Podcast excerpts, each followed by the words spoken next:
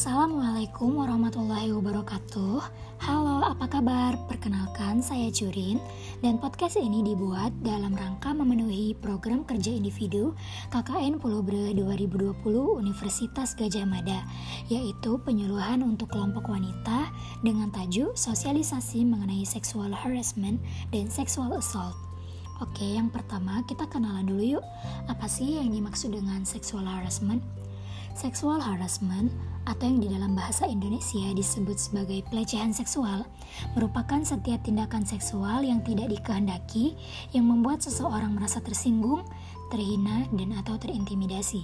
Jadi, ada dua keyword di sini. Yang pertama adalah tindakan yang bertendensi seksual dan yang kedua adalah tindakan yang tidak dikehendaki tidak dikehendaki di sini karena korban tidak meminta dan tidak menginginkan adanya tindakan tersebut dan menganggapnya sebagai sesuatu yang bersifat ofensif. Pelecehan seksual ini merupakan salah satu dari 15 bentuk kekerasan seksual menurut Komnas Perempuan.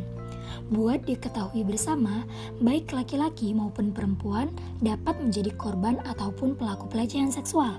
Jadi, tidak terbatas pada gender dan jenis kelamin ya. Tetapi pada kebanyakan kasus yang menjadi korban adalah perempuan. ada juga nih tindakan pelecehan seksual yang terjadi di lingkungan kerja yang disebut sebagai quid pro quo. Nah, pelecehan jenis ini misalnya yang dilakukan sebagai persyaratan pekerjaan yang digunakan sebagai dasar untuk mengambil keputusan kerja atau menciptakan lingkungan kerja yang intimidatif untuk bentuk-bentuk pelecehan seksual itu secara garis besar dapat dibagi menjadi tiga. Yang pertama adalah pelecehan verbal, yang kedua non-verbal, dan yang ketiga adalah fisik dan mencakup tindakan-tindakan seperti kalau verbal misalnya komentar, candaan, rayuan, atau penghinaan bernada seksual dan pertanyaan intrusif tentang kehidupan pribadi atau tentang penampilan, pakaian, atau bagian tubuh korban. Yang kedua adalah nonverbal dan visual. Misalnya isyarat jari tangan dan mata serta dengan sengaja menunjukkan gambar-gambar seksual secara eksplisit, misalnya post Instagram, screenshotan, video, atau situs internet.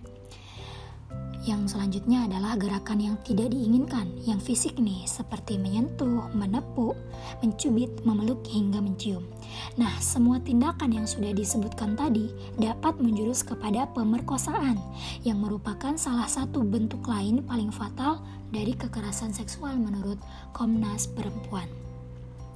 Dampak pelecehan bagi korban terbagi menjadi dua. Yang pertama dampak sosial dan yang kedua dampak psikologis atau fisiologis. Dampak sosial ini biasanya yang dialami korban, misalnya menurunnya nilai di sekolah bila korban masih berada di bangku sekolah, performa kerja menurun jika sudah kerja, hingga menjadi objek pembicaraan dan dikucilkan, bahkan dapat berakibat kepada kehancuran karakter dan reputasi serta kehilangan karir. Untuk yang psikologis, dampaknya misalnya depresi, serangan panik, kecemasan, insomnia atau gangguan tidur, menyalahkan diri sendiri hingga dapat menimbulkan pikiran untuk bunuh diri. Nah, tips nih buat menghindari bahaya pelecehan seksual. Yang pertama, selalu bersikap waspada terutama di kendaraan umum. Dan jika konteksnya adalah catcalling atau digoda di um, ruang publik atau di jalan misalnya, itu harus ditanggapi dengan ketus atau menegur secara tegas.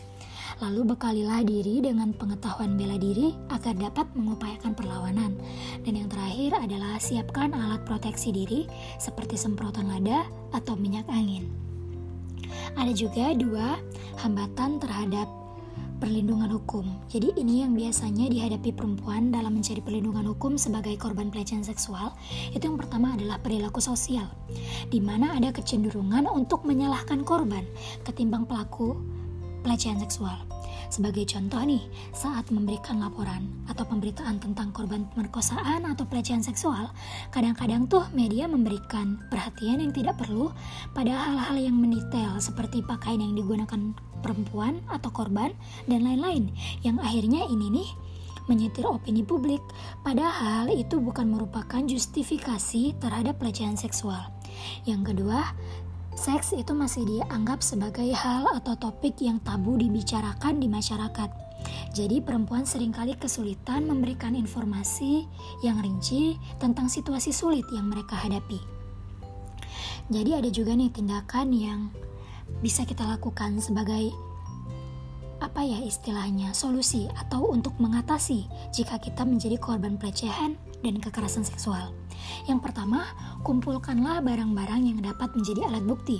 Lalu carilah dukungan dari keluarga dan teman-teman serta relasi dan datanglah ke layanan kesehatan dan layanan kekerasan seksual. Lalu jangan lupa segera laporkan kepada pihak yang berwajib. Yuk kita tumbuhkan empati. Jika teman kita ada yang menjadi korban pelecehan seksual atau kekerasan seksual, ada beberapa hal yang dapat kita lakukan. Yang pertama, dengarkanlah cerita korban butuh keberanian yang besar loh untuk dapat menceritakan mengenai kasus pelecehan seksual yang dialami. Lalu setelah mendengar cerita korban, jangan serta-merta menstigma atau menjudge korban. Menstigma di sini misalnya memberikan tanggapan seperti mungkin kamu tuh yang pakaiannya terlalu terbuka atau harusnya kamu teriak aja salah kamu dong kok diam aja. Itu malah bikin korban makin merasa bersalah, makin sedih, bingung dan marah atas hal yang dialaminya, hingga memiliki peluang tidak akan bercerita lagi ketika terjadi kasus serupa. Lalu berikanlah informasi mengenai hak-hak korban. Dan yang terakhir dan yang paling penting, jangan pernah tinggal diam. Speak up, tingkatkanlah kesadaran publik mengenai pentingnya isu sexual harassment agar masyarakat lebih familiar dengan isu tersebut dan akhirnya masyarakat lebih paham dan lebih teredukasi betapa pentingnya isu ini untuk diangkat, hingga terbentuk daya yang lebih besar dalam mengatasinya. Dengan demikian, efektivitas dan efisiensi pencegahan tindakan pelecehan seksual dapat meningkat, juga memudahkan korban dalam melaporkan kasus yang dialaminya. Oke, sekian obrolan kita mengenai sexual harassment dan sexual assault. Mohon maaf jika masih banyak kekurangan dan kesalahan sana-sini. Semoga dapat bermanfaat untuk kita semua. Assalamualaikum warahmatullahi wabarakatuh.